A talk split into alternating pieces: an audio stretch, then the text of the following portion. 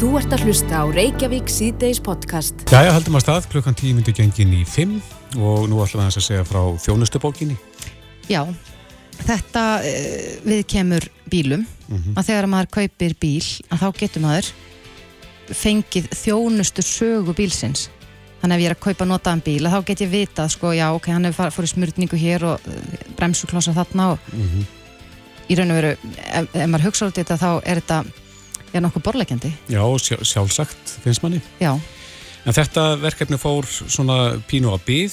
Eh, Þeir eru komni til okkar Björn Kristjánsson frá FIB og Bjarni Einarsson frá þjónustubókinni. Velkomnir. Sælir, takk fyrir. Ef þú, þú byrjar aðeins að segja okkur, Bjarni, frá þjónustubókinni. Hver, hverja á þetta skila? neytendum? Ekkert mál. Hérna, þetta var sem sagt stopnað 2018 Mhm. og var gert svolítið í því að ég var að fara að selja bílið minn.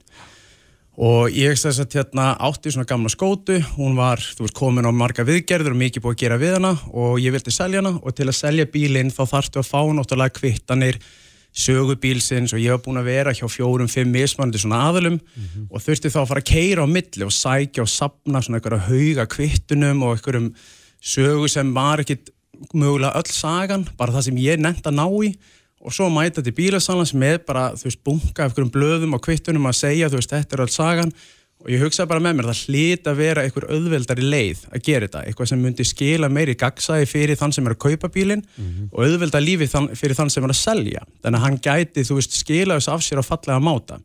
Og þannig byrjaði svo þjónustubókin. Þannig að við ákveðum að búa til bara netþjónustu sem þú getur skráð þig, bíliðin fer þarna inn, þegar þú ert að selja bílinn þá bara byður okkur um að ná í skýslu og við förum út og tölum við alla þjónustuðala, öll umboð og búum til bara fallegt PDF-skjál fyrir því sem er með allt inn í sér. Þú veist, kílómetrafjölda, hvaða þjónustur, hvaða viðgerðir. Þannig að þú getur farið til bílasalan eða þann sem er að kaupa bílinn og sínt honum að hérna er öll sagan, ég er ekki að fela neitt þetta er það sem ég er búin að vera að gera við bílinn. En, en þetta eins og segir fór í gang þarna 2018 en svo var það stopp.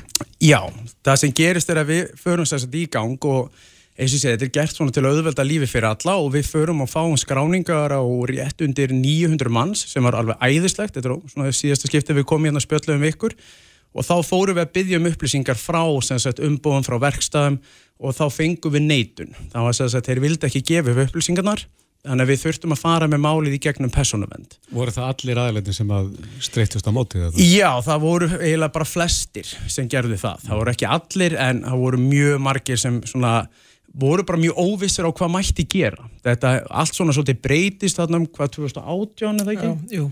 Og þá svona kemur svolítið ný svona GDPR-reglugerð og það verður mikil óvissa á markaðunum hver ána og hvaða upplýsingarnar. Já, það er aðalega sko, að nýju persónuvendarlögin því að þau eru tölvert þingri heldur en þau þessi eldri sem voru. Og þannig að nýðustan var almennt svo að menn neituðu frekar öllu heldur en taka nokkra ábyrð og, og það er það sem að jæna, sá veggur sem, sem þjónustubóki lendi á að þeir var byrjað að sapna þessu gögnu saman og þá fenguðu bara neitun sama hvað hvort að lögin væri, væri til jæna, væri þeim í hag eða ekki og, og endaði mitt í þessum farvegi að það þurfti að, að jæna, bara gera formulega kvörtun til persónvendar. En vildu þá þjónustu aðlætni meina að, að sko ef ég fer með eh, gamla skótan minn í viðgerð og, og þær kvittanur og upplýsingar sem fást þar að það væri mínar persónuupplýsingar? Já, já, Já. það var Já. sko, það er það sem að, og við, við erum allt, við, klá, við erum mikið með þetta málin á borði hjá FIB, að ég er að fara að fá hérna eigandur á bíl, hann er nýbúin að kaupa bílinn, það kemur eitthvað upp á, uh, tímariminn fer, og ég segi hann, þú, hvenær var skipt um tímarim? Hann veit ekki hvenær það var gert, hann fer í umbóðið og segir, hvenær var skipt um tímarim? Og þá er sagt hann, ég má ekki segja það því að þú áttir ekki bílinn þegar það var skipt um tímarim Já, já. og, og þetta eru svo sérkennilegt að þú færð ekki að eiga gögnin um bílinn sem, var, sem voru allt sem var gert við bílinn áður en þú eignast hann þótt svo að almennt sé að það er enginn sem að hefur hagaði að eiga þessi gögn nema raunverulegur eigandi bílsins En þið kvartuðu til persónuvendar, eða ekki? Jú, við fórum með málið inn í persónuvend og það hefur tekið núna, þetta er um 14-15 mánuði sem þetta tók og núna er komin niðurstaða og niðurstaðan er mjög einföld, það er eigandin á þessar upplýsingar um bílinn á því tímabili sem hann átti veist, þetta eru hans upplýsingar þannig að þeir eiga að skila inn þessum upplýsingum til þessar aðila sem við erum að sinna, veist, við erum að hjálpa fyrir sögu líka þá? Já, með fyrir söguna þá meiga þeir skilinni inn og það er verið að útkljá alveg um síðasta hvort þeir verði að gera það. Mm. En fyrst þeir eru að senda inn allar upplýsingar og meiga að senda inn restina, þú veist að þá sjáum við ekkert í fyrirstöðu fyrir því að þeir ætti ekki að gera það. Mm. En það er þetta rosalega mikilvægt. Það sem fólk náttúrulega hugsaður ekki alltaf úti, þetta er ekki bara um verðið á bílinn, að það fái sem mest úr að kaupa hann eða fái sem mest úr að selja hann þetta er líka svo mikið upp á öryggi þú ert í faratæki sem þú ert að nota til að keira börnin í leikskóla, þú ert að fara með fjölskylduna, þú ert að keira í umferð með öðru fólki, þannig að þetta er líka bara upp á öryggi bílsins og faratækisins og hvað þú ert að kaupa og þess vegna viljum við hafa bara þetta gagsæði Akkurat, en, en hvernig fer þetta fram? Núna má þetta og, og segjum sem svo að, að ég væri að fara Já, kaupa bíl. Já. Getið þið þá bara flett upp bílnúmurinu, fengið allar upplýsingarnir í gegnum þessa gátt? Já, við, þess að þú skráir þið hjá okkur með rafrænskilir ekki og þá ert í raunin að gefa okkur umboð og segja við megum fara út og ná í þetta og þá förum við og höfum samband við öll verkstæði og öll umboð og alla þjónustæðal á landinu búin til fallega skýslu, þannig að það er eins og þessi kílometramæli til að sína að það sé ekki búið að vera fiffa þar til dæmis. Við munum nú alltaf eftir því máli. Mm -hmm. og svo er þetta sagt, uh, þannig að þú farð skýsluna og þú getur þá sendt hann á bílasalan, sendt hann á kaupanda eða þú getur opnað fyrir þetta þannig að aðrir getur náði í þetta. Þú stjórnar alveg hver hefur aðgang á upplýsingum, það er bara þú sem sér þær.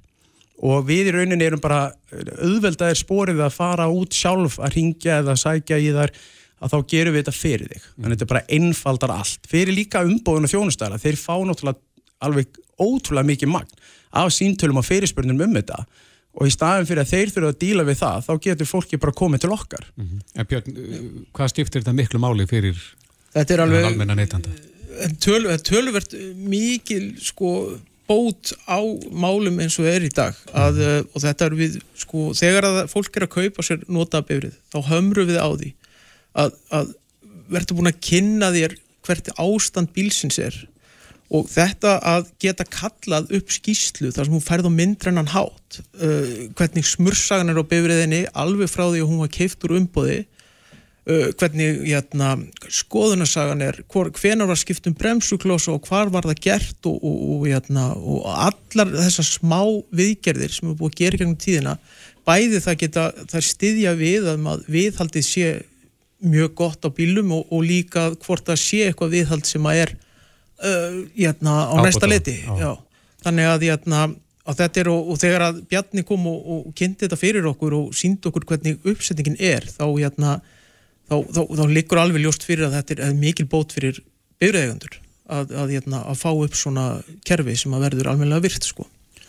Og líka fyrir eins og bílasala. Veist, við tala við mjög marga bílasala og þeir er mitt lenda mjög mikið í því að einhver kemur með bílinn og vil selja hann og svo segir þau, ok, ég þarf að fá að sjá sögu bílsins og fá okkur að kvittan hvað eru gert við hann? Og já, heyr, ég skal ná í það og veist, það hefði yngar ágjör að því og svo bara gerist lífið. Og veist, það er batni veikt og það þarf að mæti vinnuna og svo líður kannski marga vikur á meðan að þeir hafa ekki alla þær upplýsingar sem þeir þurfa til að klára söluna. Mm -hmm. Akkurat. Já, en allavega með það hvernig þið leggja þetta upp að þá virkar þetta nokkuð borlegjandi eins og ég sagði náðan að, að þetta hlýtur að vera bóti máli Já, og þetta hefur týðkast í útlöndum mjög lengi. Þetta Já. er Carfax í bandaríkinu með resastort fyrirtæki mm -hmm. og það er bara, það er bara að tala vera gæðbilun að kaupa bíl eða þú hefur ekki séð fyrst skýsluna og vita hvað þú ert að kaupa. Mm -hmm. Að lenda í óvæntum viðgerðum sem geta kostað mörg hundru þúsund krónur og verið mjög dýrar og mikið vesen eða bara að keira um mitt á einhverju sem þú ert ekki alveg örugur á þegar þú ert með fjölskylduna í bílnum og aðra í umferðinni Já. þetta er ekki bara að finna ábyrð þú ert ekki bara að bera ábyrð á sjálfuð þér. Og er þetta líka bara einmitt grátlegt að fá bíla inn á golf, kannski fimm ára gamla bíla og það er jætna fólk sem ringir og móturinn er bara farin og bílinn er vissulega ábyrð og maður spyr hvernig smur svo hann á bílum þá verður það að grafa upp það og þá bara bílinn komin úr smur fyrir 2-3 ára síðan og það er enginn sem tekur ábyrð á þeirri viðgjörð og þú ert með viðgjörð på 1,5-2 miljónur í höndunum. En liggja þessar upplýsingar fyrir allstæðir, er, er þetta skráð á smörstöðum? Þetta er mitt akkurat, að, sko þú ert kannski með skráð á smörstöð, ein, einni smörstöð á Selfossi og annar smörstöð í Reykjavík mm -hmm. og þarna er eins og, og þjónustubókin og hún tekur allar upplýsingarna saman og setur það bara strax fyrir því í eitt skjál Aha. og þá getur þú hérna mitt glöggveð strax á þessu og, og fyrir kaup eða bara til þess að fyrir því sjálfan. Mm -hmm. En uh, Bjarni, er þetta að kynna sér þetta nánar á netinu? Já, þjónustabókin.is og það er ókipis að skrá sig. og við erum eins og ég segja að klára alla tengingar og koma öllum þessu svona af stað þannig að þetta verður alveg bara tekur nokkra sekundur í framtíðin að fá þetta mm. núna er þetta ennþá að klárast náttúrulega út af þessu máli sem þurft að berjast í gegnum. En nú er það komið og þú veist það er líka bara rosalega gaman að við stopnum þetta, já, ég segi 2018 og það var rosalega gott að fá eins og FIB og fleiri aðeila til að gefa þessu trúveruleika, þú veist, þetta voru bara náttúrulega við strákanar að setja þetta saman. Og núna geta allir farið að skrá sig og bara því fleiri sem skrá sig því betra. Veist, þetta er náttúrulega mikilvægt fyrir eigundur að þeir standi líka fyrir því að þeir eiga þessar upplýsingar. Mm -hmm. og þessi óvisa sem er búin að ríkja í mörg ára á markaðnum er núna ekki til staðar Akkurat. þeir eiga að fá sínar upplýsingar þeir eiga rétt að því Já. Í blá lokin, eh, hvað kostar svona hversu miklum fjármunum eigður maður í að fá þjónustupókinu? Já, eins og staðin er núna þá er frítt að skrá sig og svo í framtíðinni munir þetta vera um 2990 krónur til að fá skýsluna mm -hmm. og þá er þetta eins og ég segi þá förum við á alla þjónustadala við náum í alla söguna, þú getur gengið á borðinu og sagt hér er öll sagan ég hef ekkert að fela, þú færð herra verð fyrir bílinn fyrir, það, fyrir vikið hann selst hraðar og við stöndum í þessu fyrir því Akkurat. Já, Bjarni Einarsson frá þjónustu bókinni og Björn Kristjánsson frá FIB Kæra þakki fyrir komuna. Bara, Takk fyrir okkur. Takk fyrir Þú ert að hlusta á Reykjavík C-Days podcast. Áfram höldu við, hérna vísi.is er frétt með fyrirsögninni, stemt á nýjan kjærasamning fyrir málamót. Þetta eru góða fréttir. Já, það hlýtur að uh, vera mm -hmm. og það, við erum auðvitað búin að tala um það oft hérna undanvarna mánuði að þetta er kjæra vetur. Kjæra viðræður er í fullu gangi, það er bógangar að sérstaklega eftir uh, stýrivagstækkun í síðustu viku. Mm -hmm. En uh, samninga nefnd eblingar hefur samþygt að gera samtökum atvinnulífsins tilbúðum kjærasamning til rúmlega árs. Tilbúðið er 56.700 króna flöt krónu til að hækkuna á öll laun og 15 krónu framfæslu uppbót til viðbótar. Mm -hmm. Og hann var einmitt í þessari eh, umtöluðu frétt að þá var eh, Haldur Benjamin spurður út í þetta tilbúð og hann gaf nú ekki mikið fyrir það. Nei, en hún er sest hjá okkur, Solveig Anna Jónsdóttir, formadur Eblingar, kom til sæl. Takk fyrir, komið sæl. Kanski byrjum á, á, á uh, þessu tilbúði. Uh, ertu bjart sín á að þetta muni, að þið muni ná þessu í gegn, þessari upphæð? Já, ég ætla fyrst að segja að því hér er sagt að það séu góða fréttir að þið verða að fara að skrifa undir kjærasamning. Það eru náttúrulega bara góða fréttir ef það er góður kjærasamningur. Um, við teljum að okkar tilbúð sé hér, góða tilbúðið að það sé svo leið sem að eigi að fara hvort að ég er bjart sín á að það verði skrifað undir við okkur hratt og öruglega um, ég vil vera bjart sín en ég vil líka og það eru þetta bara partur af mínu starfi að vera raunsæ. Um, ég held að við þurfum að vera áfram í þessum viðræðum, viðræðum um einhverja hríð. Um, en þetta tilbúð er sett fram sem viðbragð við um, málflutningi samtaka aðunlífsins á samningafundi sem við sátum í gær þar sem að framkom með um, skýrum hætti að raunverulega það eina sem að kemja vekk fyrir það að hægt væri að ganga að kröfugerð okkar væri tímalengdin sem að við fórum fram á. Við vildum gera þryggjára samning, langan samning. Mm -hmm. Þannig að við í samninganemdini fórum tilbaka og reyðum ráðum okkar eins og við gerum um, bara við, við hvert skref og komast að þeirri neðustöðu að það væri ekki grundvallar atriði í okkar kröfugerð að gera langan samning um, heldur vildum við um, frekar fá um, góðan samning þá um, án þess að þurfa að eigða endalusum tíma í að vera í átökum um eitthvað sem að öllum líkindum við myndum ekki ná í gegn. Af hverju segi það við myndum ekki ná því í gegn? Vegna þess að um, svo virðist sem að allir aðrir aðilar að kjæra samninga gerðum þessar myndir hafi verið búinir að fallast á hugmyndum stuttansamning þannig að þetta var neðurstaðan okkar En þetta er fyrir ekki, þetta er krónutöluhækkun þarna, mm -hmm. 56.700 krónur. Mm -hmm. uh, hvað er þetta í prósentum? Um, hvað er sérst kostnæðamatið á þessu? Þessi, þessi hækkun. Við höfum ekki reknað út kostnæðamat á þessu en þetta er hófstiltur samningur. Þetta er samningur sem að byggir á nálgun lífskjara samningsins.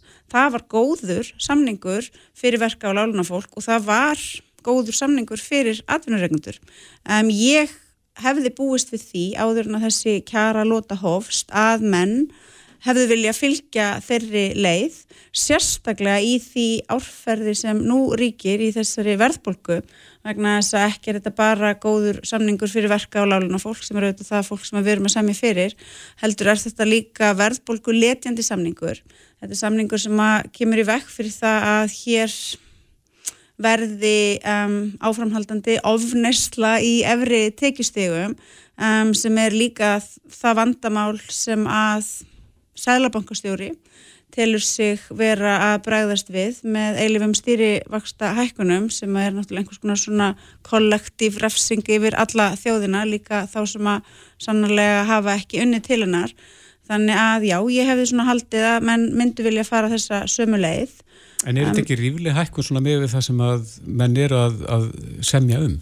Um, nei, vegna þess að þetta er einmitt ekki prósentu leiðin, þannig að hún kemur í vekk fyrir höfrungarhlaupið. Mm -hmm. Það er hættan. Hættan er fólkin í því ef að um, við sjáum fyrir okkur að hér sé um, takmarkað svegrún sem að, hérna, er svo sem mjög ríflegt á þessu sinni. En mun ekki aðrir miða sig við þessa hækkun? Það er það sem við viljum. Við viljum það. Við viljum að þetta sé svo tala sem samið er um, krónutölu hækkun, um, upp á þessa upphæð með þessu erum við að auka kaupmátt verka á lögnafólk, við erum að mhm. verja kaupmátt millitekihóparna sem er auðvitað það sem að á líka að vera sammeilegt markmið okkar í um, því ástandi sem nú ríkir um, þannig að ég og samninganemdin um, höfum skoðað mjög vel bara þau gögn sem um, liggja fyrir og okkar afdráttarlösa niðurstaðir svo að þetta er henn rétta og skinnsama nálgun Mm -hmm. Hvernig hafa þessar viðræður verið? Nú hefur auðvitað mikið verið talað um óeiningu innan verkefnsleifaringarinnar og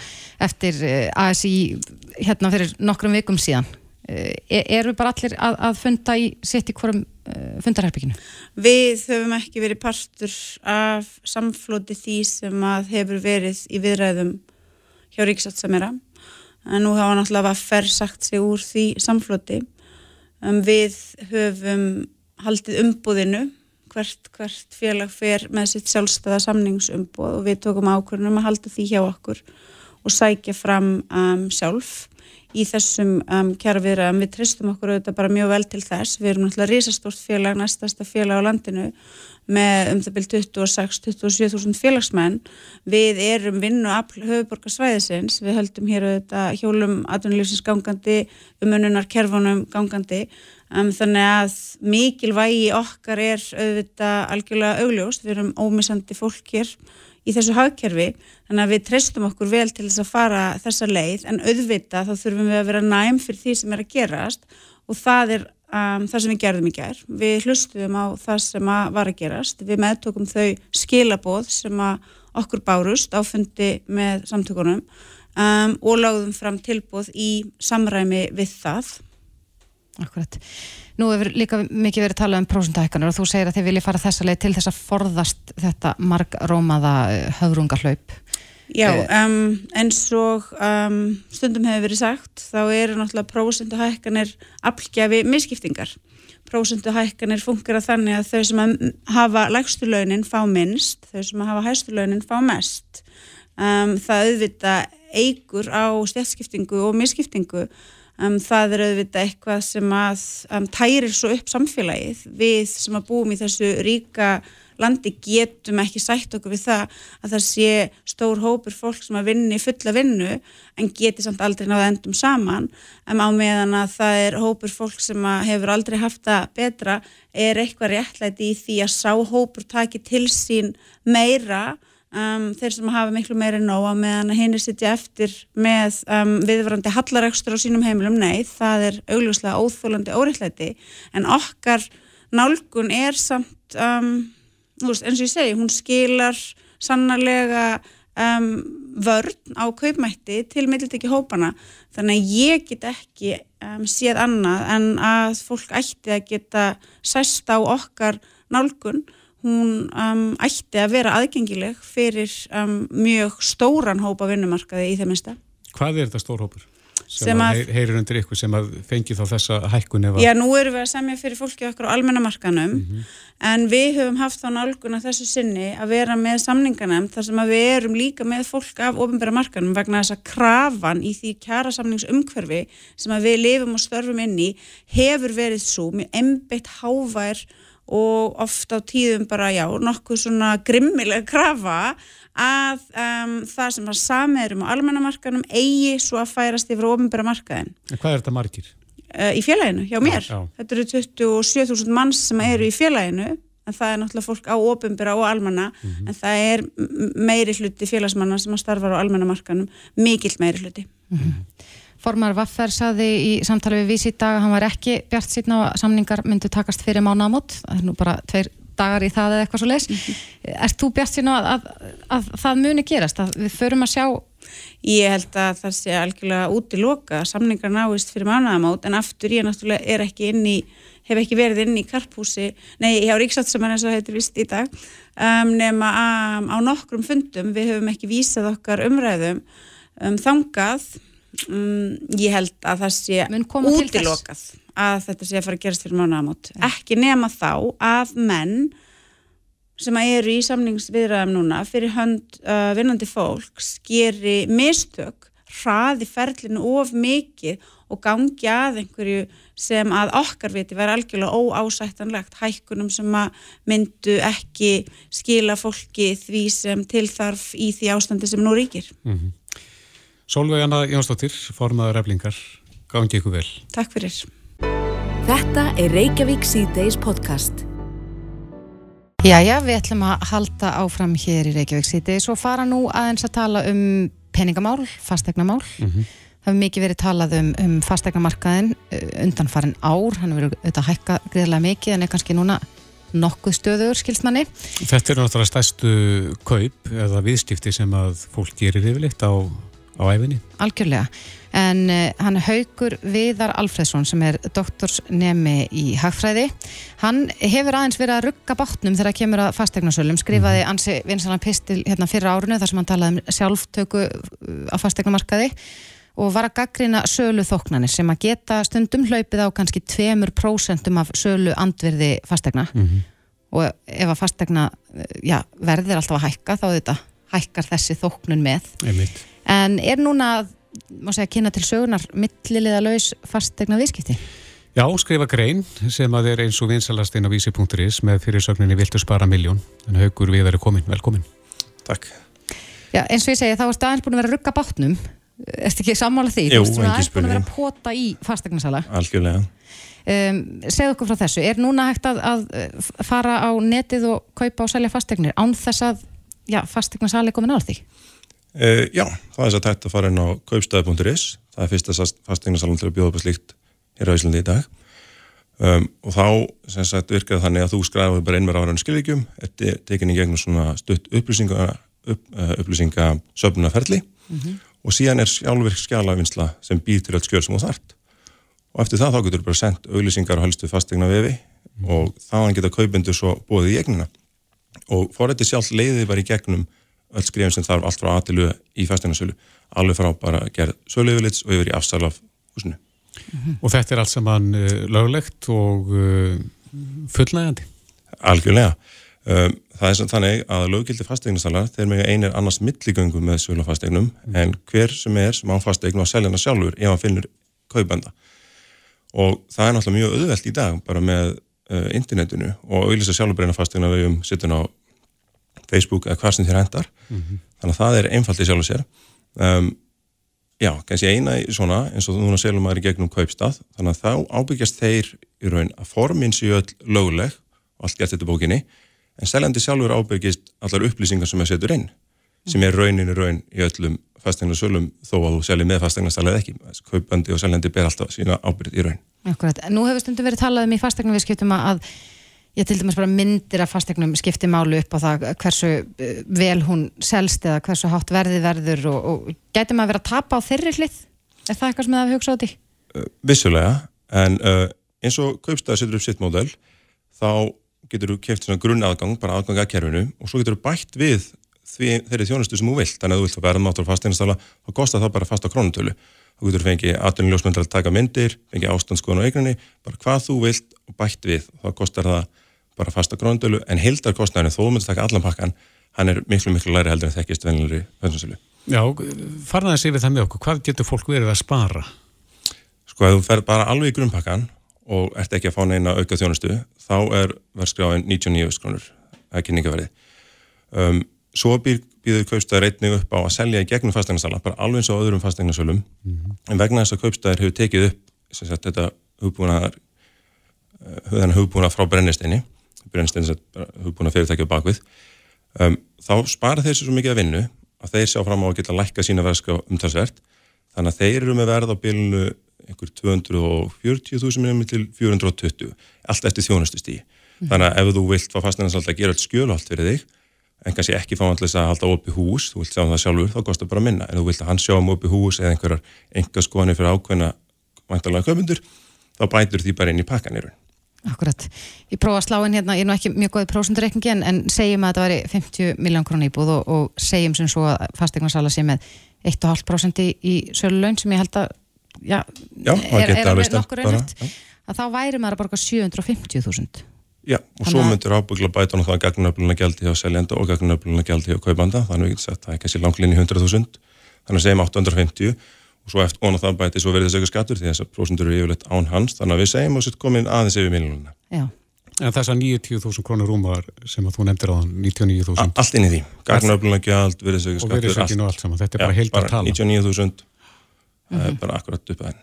Eh, þú ert doktorsnemi í hagfræði en, en maður heyrir það bara, við höfum talað við áður og ég hef lesið greina það sem þú skrifað, þú er gríðalega mikið náhás er, er þetta réttlætismál fyrir þig að, að þetta náið fram að ganga? Já, ég myndi vilja að, að þessi markaða væri hagstæðari fyrir neytundur svo að segja mm -hmm.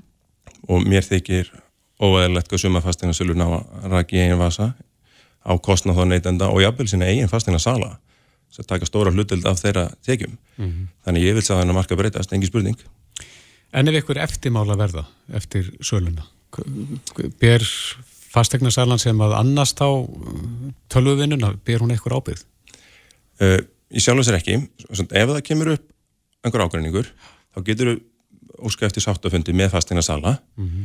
en raunin í fastegnarsælumálum almennt er að fastegnarsælu ber bara mjög litla ábyrð öll skoðanaskylda liggur á kaumanda, ekki fasteinarsala og ef það er einhver atriði sem fasteinarsali gæti ekki séð við hefðbundna sjónskoðun sem því þá að, að kaupanda átti líka sjá og þess vegna ber fasteinarsali ekki lengur ábyrð þá kemur einfallega í ljós að fasteinarsali er ekki sérfræðingur í að, í að skoða hús þannig að hann þarf til og meins ekki að fara upp á háaloft til að skoða hvort sé allt í lægið en eitt svona þannig að allt sem er svona dölið umfram því bara rétt að lappa um fasteignuna, hann ber ekki ábyrð því sem því að það var seljandi væri að fela upplýsingar og þá er málið orðið á milli kaupenda og seljenda. Þannig að nánast öll svona dómsmál sem, eh, sem seljendur og kaupenda ná ekki bara ná sáttum sjálfur, þau eru bara á milli þeirra kaupenda og seljenda en ekki á milli kaupenda og fasteignarsæla eða seljenda og fasteignarsæla. Mm -hmm. Þannig að það er, það er sem selur sjálfur, hreinu, það er ekki að fara að breytast neitt. Þú lendir ekki í verri málum þannig af því að þú berð ekkert minni eða meiri ábyrð heldur en þú væri að selja með fasteignarsælum á það er ekki nema fasteinarsalinn sem gera stórfæld afklöp í starfi mm -hmm. og, og þá náttúrulega er eitthvað meiri átt að rað. Já og það eru þetta líka mjög skýrt í, í fastegnarkaupa lögunum að, að, að sko seljandin e, ber ríka skildu til þess að upplýsa um allt mm -hmm. og kaupandin til þess að skoða allt. Algjörlega. Það er ekkert engin breyting þar á. Nei, nei, nei. Hafið þið fengið viðbröð á þessa nýjung? Já, um, eða svona við mig, það fastningnarsælun enn ekki eiga lengur við mig.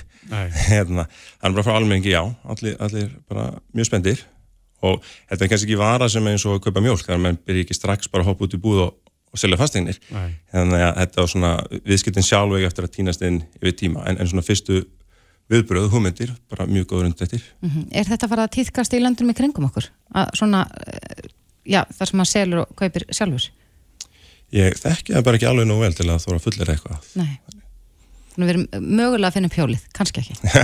Svona einhverju leiti. Já, áhugavert. Það verður forrætnilega að sjá hvernig þetta fer að stað þegar að, að fólk byrjar að nýta sér þessa þjónustu. Hvort að þetta munir breyta markanum eins og kannski, já, markmiðið er hjá þér? Já, engi spurning og hérna kannski ég nefni að hugmyndin er alls ekki að að segja að allir fasteignarsala sé einhverju skúrkar og vilja útrýma þeim að fullta góðum fasteignasölum sem vilja gera vel þó að kannski markaðinni held hafi ekki svo gott orð á sér. Og hérna er einmitt tækifæri fyrir fasteignasala að koma, nýta sér tæknum frá brennstinni vera þáttekundur í því að breyta markaðunum koma sölutekjunum í eðlert horf, skulum við segja og vegna þess að vinnu umfangi þeirra mun minka svo mikið að þá munu þeir samt vera bara í ágæti stöðu áfram nema kannski þeir sem hafa verið eitthvað mestir sjálftöku eða eða í einhverju svona vafasamari starfsáttum. Mögum þessi tækni fækka fæstegnarsölum? Það er erfitt að segja nákvæmlega hvernig þróun verður. en ég gæti trúa því að þeir sem eru hafa verið hvað stærstir kannski, og, og kannski fá megni að tekjum sínum úr kannski vasa annara fasteignasala sem hafa verið annars söluna sjálfar þeir komi illa út til langtíma Já, Haugur Viðar Alfredsson, doktorsnemi í Hagfræði. Kæra þakk fyrir komina. Takk fyrir að fá mig. Þetta er Reykjavík C-Days podcast. Jæja, nú eru fjárlegin að taka á sig mynd. Það er svona verið að ræða eh, auka greiðslur, hingað og þangað. Við hefum til dæmis ekki æra að, að það er gert ráð fyrir töluverðir í hækkun þegar það kemur að dómsmálum, saman hvort að það eru fangilsinn laugjæslan eða annað. Mm -hmm. En það er spurning með innviðaráðunetið sem að fer nú fyrir hansi stóru máluflokkum. Já, í, uh, á þinginni gæra þá var nú rætt um framlög til húsnæðismála en, en uh, þau verða, já, rúmlega helminguð Mm -hmm. í fjárlögunum. Það er spurning hvað veldur því og, og svo eru þetta, já, allir innviðnir, vegakerfið og, og svo mætti lengi telja Já. sem maður þarf að huga að. Sigurður Ingi Jóhansson, innviðaráð þeirra er á línu, kom til sæl. Já, komið sæl. Þú ætlaði nú að vera hjá okkur en, en þingið, það er eitthvað... Stjórnar svolítið tíma okkar, þannig að þetta verið atkvæða greiðsla. En svo dregst aðeins umræðan, þannig að en ég kann ekki ferða út á rúndin í umferðinni. Nei, nei, við sættum Já. okkur við því í síma. Þannig að ég er hér í átakir það. En eh, eins og við segjum, þetta er náttúrulega stórt ráðunetti og, og fjá, fjármuna frekir hérna málaflokka sem að þú stýrir. Jú, jú. Ef við byrjum á þessu með, með húsnæðismálinn. Já, það er svona einhver, bara einhver miskilingur hérna í þinginu í gær. Það er þannig að við höfum svona áætlað í varasjóði svo kalluðum, almennu varasjóði sem er nú talsveit bólkin, að þar væru við með fjármunni sem að myndu nýtast okkur ef við þyrstum að grípa til í, í uppbyggingu á þessum almennu íbúðum eða stoppframlögum sem við notum til þess að byggja slíkar íbúðir, bæði ríki og sveitafélög eða hluteldarlán og, og slíkt. Um, en síðan hefur bara komið í ljós núna þegar að leið á, á veturinn að þeir fjármunir sem að voru í fjárlögum sem eru tæpir 2 miljardar og síðan einhverju tve, aðrir tveir sem að ekki e, nýtast í ár að ef við fáum bara heimild til þess að færa þá yfir þá erum við með fjóra, tæpa fjóra miljardar á næsta ári í þann hluta og það er að endur mati HMS eins og staðan er núna eh, er það alveg nóg fyrir okkur á næsta ári og verður alveg handleikur að koma því út.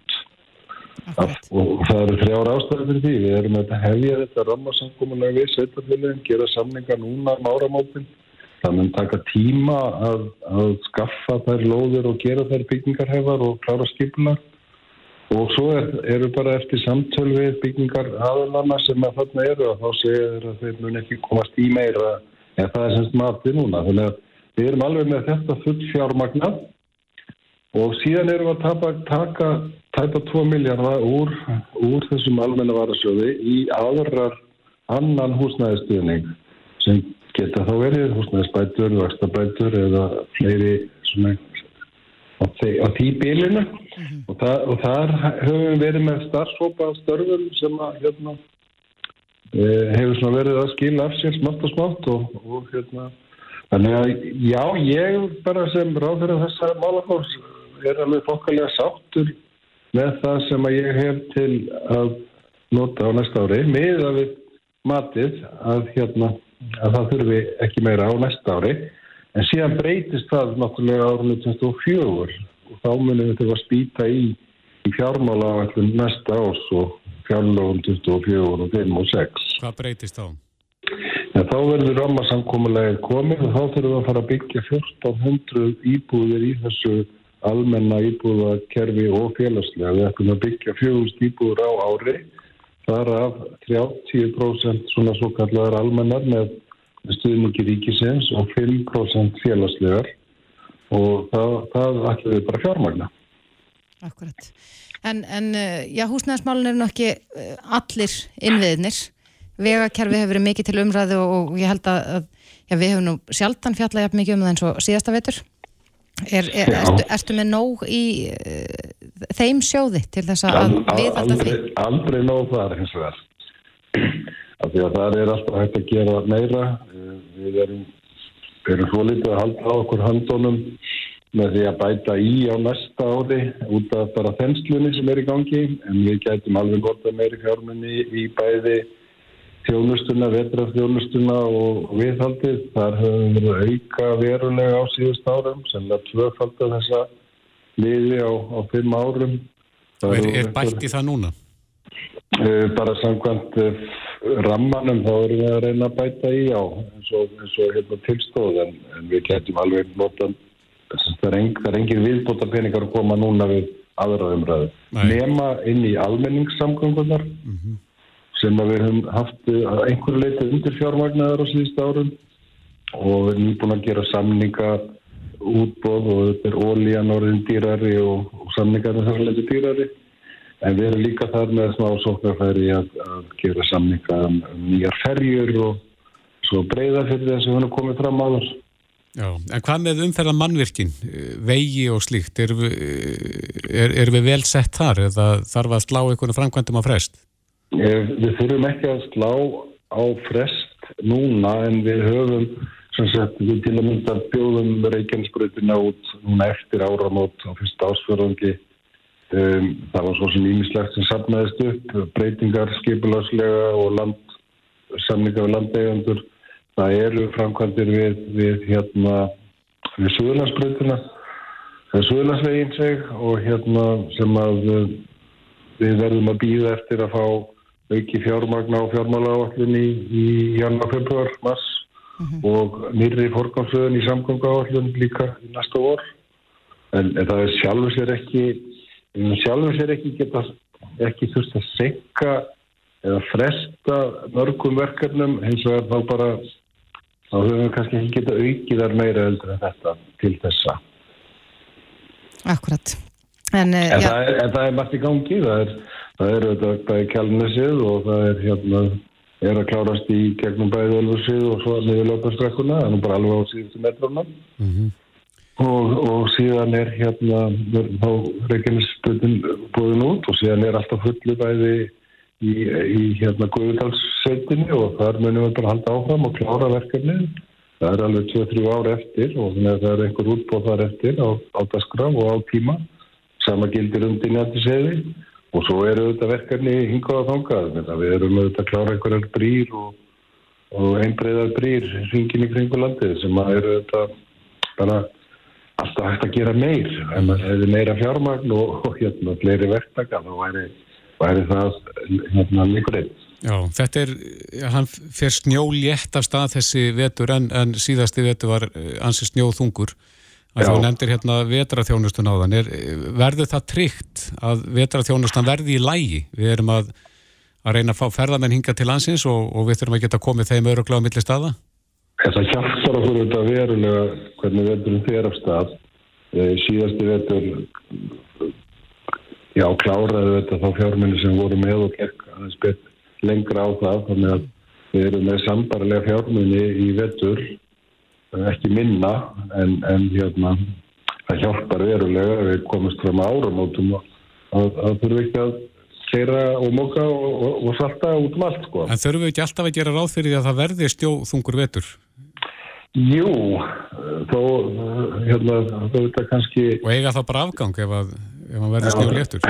Já, við erum, við erum allavega búin að vera að sækja þángað að komast á þann stað en, en við erum ekki komast þángað við erum, erum ennþá að elda og ástæðan er kannski fyrst og fremst þessi að út um allt land eðlilega vil ég segja er bara vaksandi krafa á meiri snjómostur, fleiri daga meiri hálkuvarnir eh, bæði vegna breyttra bara búsetu fólk og atvinnháttan en keira lengra í vinnu og svo þetta ferða, ferða mennir.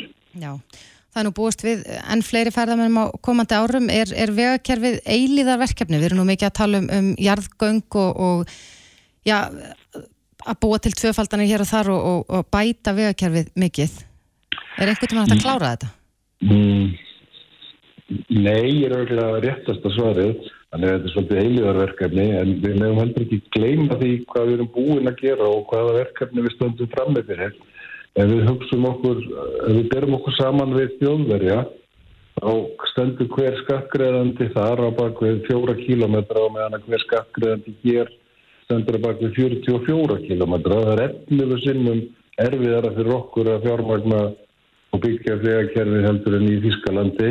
Um, alltaf ekki svona 8 kilometrar í Danmörku og 12 í Norri þetta eru svolítið saman við eitthvað sem við þekkjum við svona vegakerfi. Þannig að ég verði að segja alveg svo er að ef maður lítur áratví aftur í tíman þá held ég að við gert bara stórkostlega hluti í uppbyggingu vegakerfisins.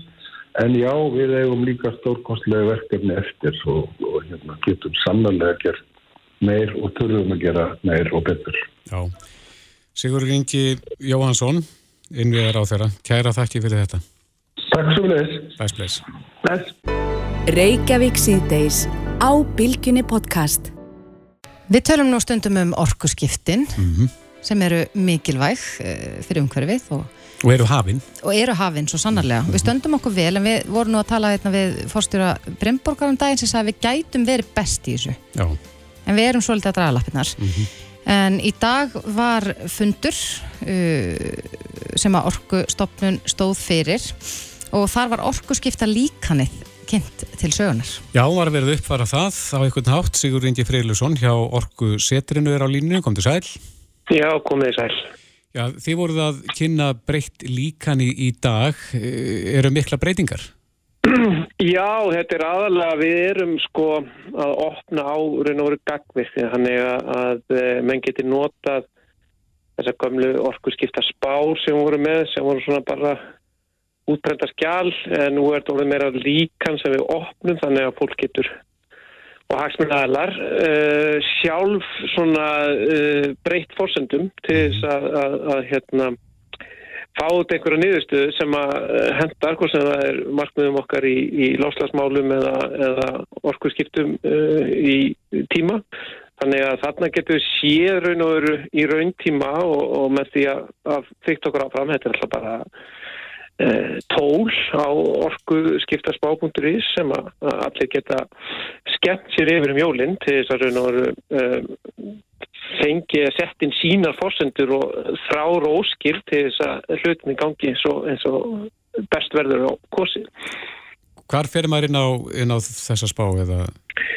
Þetta er ná uh, orgu skipta spá.is heil síða fyrir þetta Mm og, og þar hérna þar er bara eh, opnast stórt hól þar sem er allt undir samgöngur, fiskiskip, flug og siglingar og annað.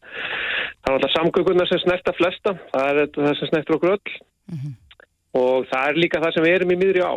Uh, og, og mest hægt að gera fyrir 2030 sem er svona líkilár og það er kannski líka þessum sem við erum að setja fram að því að mann orðin bísna gamall í, í, í þessum málum og mann hérna í, í, í gamla dag eins og fólk segir að þá eh, gátu við svona ekkert mikið verið að hafa áhrif á, á elsneitisnóðgun, þetta fylgdi nú bara svona samfélagsþróun og jú, jú, orkunýtni og, og, og allt svo leiðis en núna erum við með öll tólinn í höndunum og, og möguleikana til þess að fara í orkuskipti, hvort sem það er rafmagn eða metan eða vettni og, og hitt á þetta og og leikið okkur um hvað við getum látið þetta gerast hratt. af Því það er allar fossendur ef við höfum áhuga á til þess að raun og veru gera þetta mjög hratt. Og getum við eins og Þórdís nefndi hérna áðan, við vorum að tala við Egil Jóhansson hjá Brimborg sem að sagði að við getum orðið best í heimi í þessu. Eh, Vantar mikið upp á til þess? Nei, bara ákvarðantökur. Uh, við höfum, sko, ég menna, lengi vel framan að var þetta, þetta uh, tæknin sem að var að tröfla okkur. Við vorum ekki með hérna, faratækin í öllum flokkum og öllum gerðum til þess að hérna, geta gert þetta hratt.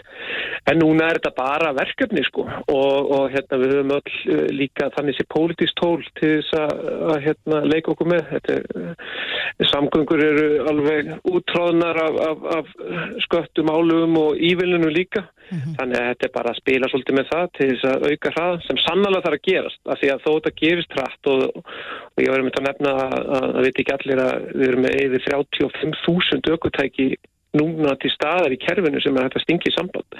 Þannig að það er ekki eins og við séum algjörum byrjunaritt uh, en nú það bara að láta þetta gerast hrætt og þarna kynnti ég til dæmis norskuleðina svona fyrir uh, pólitíkusa sem voru á staðnum ef þeir hafa áhuga á að, að hérna, hafa einhverja fyrirmyndir. Hver, hvernig er hún? Já, ég tók bara þar var svona til dæmis þeir alltaf að, að hérna, stoppa innflutning á, á nýjum þá er það bara nýskráningar það hafa ekki að taka út bíla en, en, en stoppa sérst innflæðin í kerfið af eh, bensin- og dísibílum strax 2025, sérst þessi tvö ár og líka í sendibílum Hvenær er það Og- áallega hjá okkur? e, Við erum 2030 eins og mjög marga þjóðir uh, en uh, þannig sé alla fórstundi þess að færa það framar ef áhuga fyrir hendi og, og það myndi e, raun og veru hjálpa okkur til að, að ná settum markmiðum Akkurat. Og við höfum tvö ár til þess að raun og veru halda fram uppbyggingu innviða og, hérna og hérna en, en stóra máli líka í þessu að bílalegu bílarnir vega rosalega þungt í kerfinu, við fundum það bara í þessari e, líkanarsmýð að það er rosalega þungi til dæmis alltaf 50% nýskráninga á þessu ári er í gegnum bílalegur þannig að þar uh, er verk að vinna að, að hérna að, rífa okkur gang þar Já, þarf hvernig- einmitt að gerast Hvernig eru hlut, eh, hlutföllin þar? Eh, Hvað var það Það er- bílalögnar? Það er miklu minni hérna þó uh, marga bílalegur uh, komnar fullt í orkuskipti það er ekki það, það heldur ekki á neinu byrjunarraut en uh, sem sagt nýskarningar hlutvall það er margfall lægra.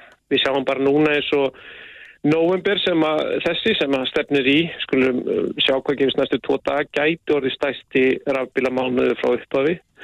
En þá erum við að tala um að, að, að, nýsk, að því að bílalegur er nú ekki mikið að skrá akkurat á þessum tífubúndi uh, og þá erum við að sjá upp til 70% nýskráninga í fólksbílum til almennings eru með innstungur sko. Já, en það er nokkuð vita með orku þörfina sem við þurfum en, en eh, það þarf að annað þessari þörf og Já. þá þarf vantilega að virkja hvar, hvernig er stefnan með, með þau mál? Já, það er náttúrulega það sem menn skoða ég var nú að sína fram á að, að vegasamgöngunar sem koma fyrst e, e, eru kannski ekki eins orkufrekar eins og, eins og hérna eins og annað e, lang e, orku frekasti frekustu umskiptin er í, í skipum og svo flugi. Og þar hefur nú aðeins meiri andrými að því að þar er þetta kannski svona áratögu eftir þegar kemur að, að tækni þróska og meðan við erum að fullu núna í, í umskiptunum og þá erum við svona að, að, að hérna, taka allra fyrstu skrefin í, í orkuskiptum í, í skipum. Já. en uh, það sem er svo gott við uh, við til dæmis ef við tökum rafvæðingu bíla er að ef, að, ef þetta verður sem mest á rafluðum bara eins og Egil Hjabrínborg var að benda á að verðist geta uh, annað stórun hluta líka þungaflutningum að þá eru að tala um uh, alltaf aðra sviðsmynd en rafelsneiti af því að það, þá fartum miklu, miklu minni orkunótkun og til dæmis þegar mann opna samgöngur hluta uh, líkansins þá sjá þeir að orkuþörfin í samgöngum uh, kemur til með að hrinja og það er ekki að því að okkur er að fækka eða hagstofan var að koma með nýjar fólksfækunatölur eða eitthvað svo heldur er, er það bara þannig að, að þegar við rafaðumst þá þurfum við einfallega bara uh, miklu, miklu færri orkueiningar en ólíjan er Já. sem er þetta ótrúlegu kostur. Að við erum að falla á tíma, Sigur Ingi, það er hérna hlustand að benda á tekju lága. Hvar, það hefur ekki allir efna á því að fá sér rafbíl. Nei, það er alveg rétt. Og uh, það sem þarf að gerast með fljótlega er að, að, að hérna, breyta kannski ívilna fyrirkomuleginu þannig að það sé betur ítt, undir ódýrari bíla. Og svo er líka náttúrulega bara að erum að fylgja þessari tæknithróun eins og ég var áðurbent á sem kemur ofan, það eru fyrst dýrustu bílarnir og svo eru, eru bílarnir að lækka. Þannig að tími vinnum með okkur í því uh, uh, ódýri rafbílinn uh, mun koma Já, og svo er náttúrulega eftir á markaðurinn með rafbíla, hann er kannski að, að verða til.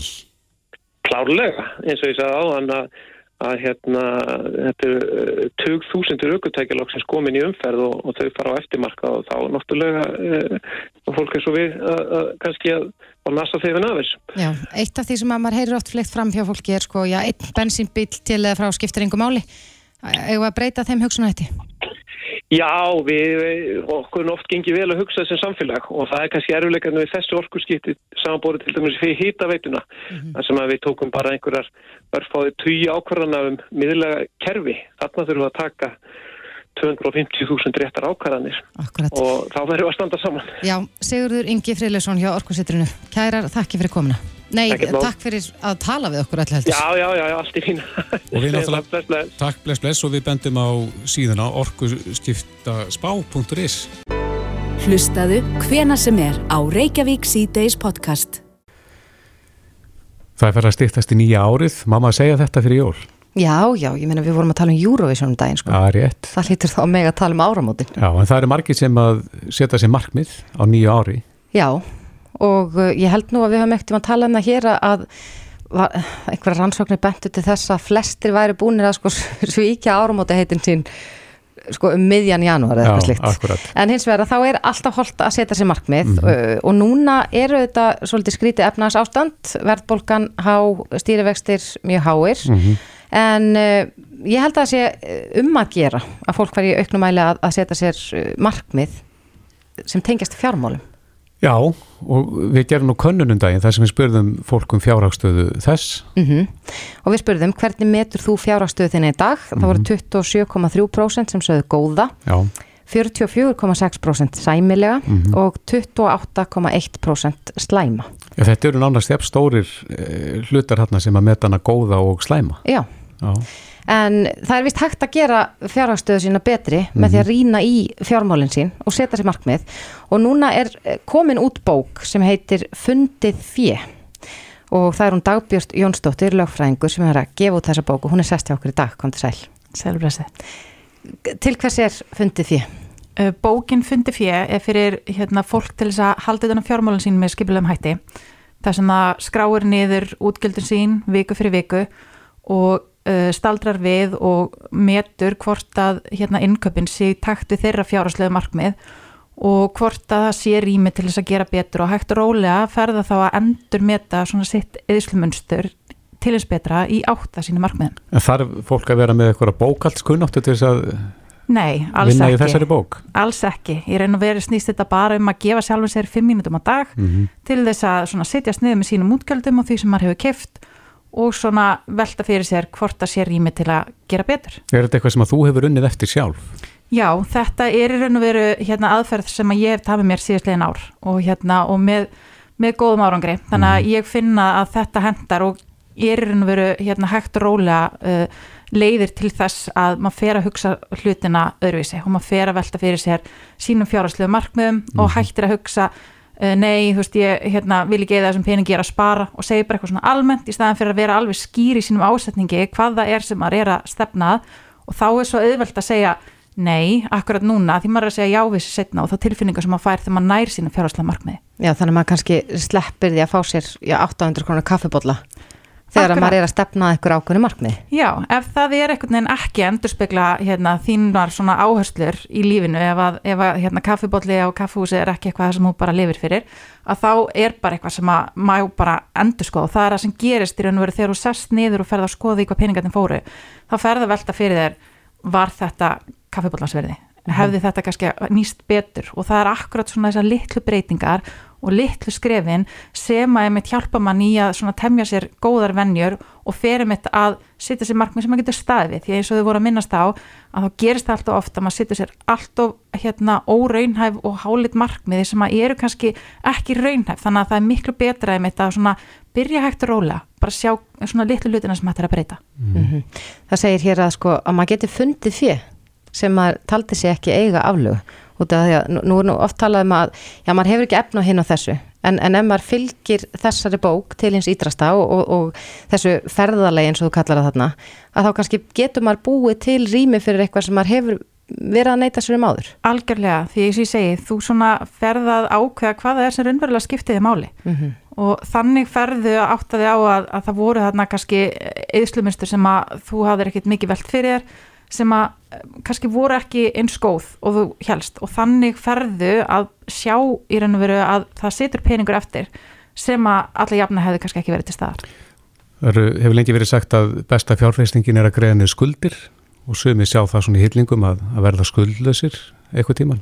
Hjálpar þetta til þess? Já, algjörlega og, hérna, og það er náttúrulega hluti af þessum, þessari markmiðasetningu. Hún getur bæði verið að, að sapna sér fyrir hérna, einhverju sumafríi, það getur verið að búa sér til einhvern hérna, neðarsjóð, það getur verið að greiða nefnir skuldir, Mhm. vissulega og það er hluturinn hérna, sem að svona hlutverki á því að setja sér markmið. Bara það að hérna, ákveða og búa sér til áallin um hvernig ætlar að greiða niður einhverja tiltekna skuld og taka blað og skrifa 0 krónur og sitja upp á vekk hjá þér og horfa á það okkur minnsta mótni sem þú drekka kaffibóllan það mun íta þér nær í að halda þig á þínu markmiði og að halda á þeirri braut að borga niður þær skuldi sem þú ert með Mhm. en, en eins og þú sagðir að, að já, þú hefur nýtt þér þessa tækni í einhver ár Já. Vistu með eitthvað dæmi fyrir okkur, einhver svona markmið sem þú hefur sett þér og náð?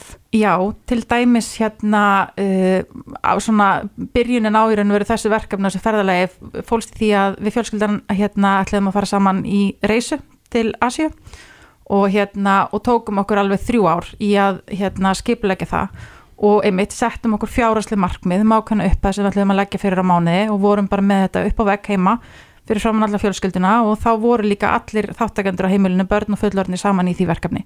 Þannig að okkur tókst að safna fyrir því, en hérna það var nú þannig að hún átti að fara fram í april 2020, þannig að hérna bara sá sjóður býður en þá eftir að komast í, í þetta ferðala. Já, þannig að þið hafi geimt sjóðin og, og þið munið fara í Já. sjálfsögðu. En segðu okkur aðeins að bókinu svona eldsnögt, er, er þetta bók fyrir allt árið? Þetta er bókið fyrir allt árið og í raun og veru getur við byrjað hvena sem er. Það er ekki hérna bundið við hérna neitt tiltekki ártal en þetta er semst fyrir 12 mánuði og, hérna, og þannig að þá er þetta svona þetta ferðalag sem, að, sem þú átt að fara í og það sem að þú lítur svona um farin veg síðan að 12 mánuðum liðnum og getur þá séð hvað það er sem þú verður aðorka. Mhm. og, og ég held hérna á bókinu og þetta er í svona dagbókarformi þannig að þú bara skrifar inn í bókinu þetta er ekki bara dóðrandur af, af, af sko texta Alls ekki. Þú, hérna, þú í raun og veru skrifar niður þín markmið og, og svo hérna, skráir þú niður alveg viku fyrir viku þannig að þetta er, þetta er vinnubók. Þetta, er, þetta krefst, sem er náttúrulega bara með, með oft svona hluti sem að, hérna, eru svona erfiðir, erfiðir, já, að þá krefst þess náttúrulega að maður bara þarf að leggja sér fram og, og vinna heimavinnuna. Er þetta jólagjöfin fyrir eðsluklær? þetta er jólagjöfin bara fyrir alla sem að hérna, vilja í raun og veru bara nýta peningarna sína betur og hérna, ég veit til þess að þessi, gjöf, þessi, þessi bók hefur líka verið nýtt sem jólagjöf það sem að foreldrar eru að gefa börnum sínum þannig að hérna, ég mitt hef verið að hvetja til að fólk skrifi þá einmitt inn einhver svona visku orð og kvartningu og, og hérna inn í bókina til þess að svona koma viðkomandi vel að staði inn í verkefni Mhm. Ég vildi eða ég hef fengið þessa bók þegar ég, ég var yngri. Er þetta ekki bara tilvalið til þess að kenna í skólum? Ég meina, ég, ég lærði nú einhvern tímann bókfærslu í verslunarskólanum. Ég er ekki mikið að nýta mér það í fjármálunum svona í dag. Nei og, og það er vissulega fjármálafræðisla í skólanum sem er að kenna á launasæðla og annars líkt en ég held að þurfi líka staldra við og fara svona svolítið að, hérna, að kenna ungmennum í dag svolítið varandi hvernig það notar peningarna sína og til dæmis ef þið hugsið bara fermingabann fær hérna á einu ára alveg rosalega stóra upphæð sem í raun og veru kannski mamma og pappi taka mesta ákvarðanir um hvað verður um þann pening og ef að barnið myndi sjálf taka ákvarðan þá myndi nú flestir ábygglega bara kaupa sér einn iPhone og, og hérna gera eitthvað Og peningurinn búinn? Já, Mm. þannig, að, hérna, þannig að ég held að það skiptir líka máli að, hérna, að fáu mitt uh, þau til að hugsa aðeins öðru sem hlutina. Finnur fyrir því að, að fólk hefur áhuga á þessu? Við vorum nú aðeins að tala um svona efnarsástandið náðan. Já, Að, að, það, það er farið að kreppa hjá mörgum. já, ég finn allavega mikið meðbyr með þessu verkefni og eins og minnist á að er náttúrulega verðbólga og stýrivextir er náttúrulega bara hérna í helstu fréttum þessa dagana og það fer ekkit fram hjá neinum að bæði hafa lánin náttúrulega hækkað og matakarfan hækkað þannig að þá vill maður einmitt reyna að leita leiða til þess að draga úr þessum útgjöldum með því að reyna hérna, að búa sér einmitt til auka pening sem að maður taldi sér ekki aflöfu. Akkurat. Já, Dagbjörn Jónsdóttir, lögfræðingur. Bókin, hún er komin í helstu vestlanis eða hvað? Já, hún er sem sagt bæði fáanlegin á heimasíðanni fundifjö.is og svo er hún líka í völdum verslunum og svo held ég líka úti Instagram-reikningi undir fundifjö þar sem ég sitt inn kvartningu og fróðleik sem að hérna er hægt að fylgjast líka með verkefninu. Glæsilegt. Takk kærlega fyrir komuna. Takk fyrir. Reykjavík síðdeis á bylgjunni. Já, það er að stýttast innan endan. Já, það stýttist ég að fyrir maður skipta yfir á fréttastofuna en uh, það vakti aðtegli um daginn og hefur vakið aðtegli gegnum tíðina að uh, Ingólfur Örn nokkur hefur oftar en einu sinni óskað eftir því að fá að breyta nafninu sínu í Lucifer. Já, Hann hefur ekki haft erindi sem erfið í þeim málum og uh, núna fyrir í mánuðunum þá síknaði hérastómi Reykjavíkur, Íslenska ríkið af kröfu hans um að fá að, ég held að það sé þannig að um bara að hann fá að breyta nafninu sinu í Lucifer. Já, Lucifer er bara ekki leifilegt Nei, með við þennan dóm. En Ingólfur Örd Friðriksson er á línu, kom til sæl. Það er sæl. Ef við byrjum á því, af hverju vildur þú fá að bera þetta nafn? Uh, uh, sko, hugmyndin kveiknaði fyrir löngu síðan, þú veist, 2000 og eitthvað. Þegar ég var að hugsa um að skipta út uh, nafninu Örn sem er setna eigin nafni mitt. En uh, þetta virkilega fór á stað því ég sá í fréttablaðinu 2019 í desember að einhverjum var sinjað um að taka upp nafnið Lucifer með ennsku stafsendingu. En mátti það þá með íslenskri eða? Nei, nei. Þú varst að reyna að fá í gegn að heita Lucifer með, með íslenskum stöfum, bara í, já, Með S í stæðin fyrir síðan? já, og, og, og, og þú veist, í öllum þessum íslensku stöðum. En vildur það fá að taka Lucifer nafni sem millinafn? Já, sem setna eiginnafn sem er Örn. Mm en, en núna um daginn að þá, þá fjall þessi uh, dómur, Já. er þá málinu hér með lokið, myndu aldrei fá að heita Lucifer? Nei, ég er að menna málinu kannski lokið hjá domstólum í byli en ég er að menna ef að, ef að rökin þeirra eru svo að, að þetta sé slæmt nafn í málvitund almennings þá veitum við vel að málvitund almennings hún breytist En, er, og, og já. það eru fleiri leiði til að berjast við mannanafn nefnd heldur en í réttarkerfur en voru ekki rökin gegn því að bera þetta nafni að þetta er því sko nafnberanum til ama? Jú, sem, sem er náttúrulega fáranlegt það er sem að hver hefur ekki hugsað og ég vildi hétt eitthvað annað. Eða verið gert grín á hann út af nafninu sínu. Þú veist, eitthvað rým eða eitthvað. Ef börn ætla að gera grína hvort öðru þá notaði nöfninu hvort öðru til að gera grína Og líka kannski, er kannski, já, skýtur aðeins skökku við að, þú ert auðvitað fullan einstaklingur og ert að taka ákvörðun um það sjálfur að bera þetta nafn. Já, en eins og reglunar eru að þá ef að ég fæ að taka upp nafnið þá er öllum frjálst að nota þetta nafn Já, þannig að þetta er því fordæmi. Já, En aðeins hérna að því að þú ert yfirlistu satanistu eða ekki? jú, Út af hvað gengur satanismin? Er það að hlæjað óförum annara og, og vera vondur dagstælega? Nei, nei, það er bara eitthvað sem ég gerir myndi skemmtunar. En satanismi gengur út á alltaf þessu Uh, Nei, satanismi er uh, í rauninni uh, búin að þróast alveg gríðarlega og, og snýst um að bara taka tillit til fólks en, en, og, og, hérna, og, virða lög en knýja fram þær breytingar sem þú vilt sjá. Ekki býð eftir að aðrir gera það. Jáhá, ertu með eitthvað dæmi um slikt? Uh, nei, ég, ég kemur ekkit upp í hugan eins og er þar sem að hann virkar ekki alveg þegar maður er með svona flensu Nei, nei, en, hérna, en fólk getur farið inn á anskotin.is og skoða þar anskotin.is, Já, fróðlegt. En, en þarna, já, nú er allavega komin svo stund að að þú allavega mátt ekki heita þetta enn sem komið er. Ætlar að halda baráttun áfram? að sjálfsögðu Og hvað er næsta skrif? Ég er bara, ég er ekki búin að átta með því Þarst að býða eftir að málvitund okkar breytist þar til þú getur, uh, já, reynda nýju? Eh, Ég er að býða eftir að hún breytist eða breytinni, það er annað kost Mm. Hvað þýðir Lucifer? Hjósberi Ljósberi. og, og, og ef, við, við hugsum um sko að Lucifer á að vera hinn illi og eitthvað út af því að hann gerði uppreist nefnt Guði en, en Guð var í rauninni búin að drepa fullt af fólki með flóði og, og eidilegja borgir, sódómu og allt það meðan Lucifer var ekki búin að drepa neitt þannig að einræðis herra sem að Lucifer fór upp gegn kasta á hann niður og Lucifer er vondikallin ég, það meika ekki alveg sens Nei. Ég er ekki nægilega vel að mér í, í, í sko, þessum fræðum til þess að geta Lagt mat á bröðust það? við þessu. Nei. En Ingólfur Örd Friðriksson, þú heldur þá baráttunni áfram og við fylgjumst með, með þeirri baráttu. Kæra þakki fyrir spjallið. Takk sem leðis Bless, bless. Bye. Reykjavík síðdeis á Bilginni podcast.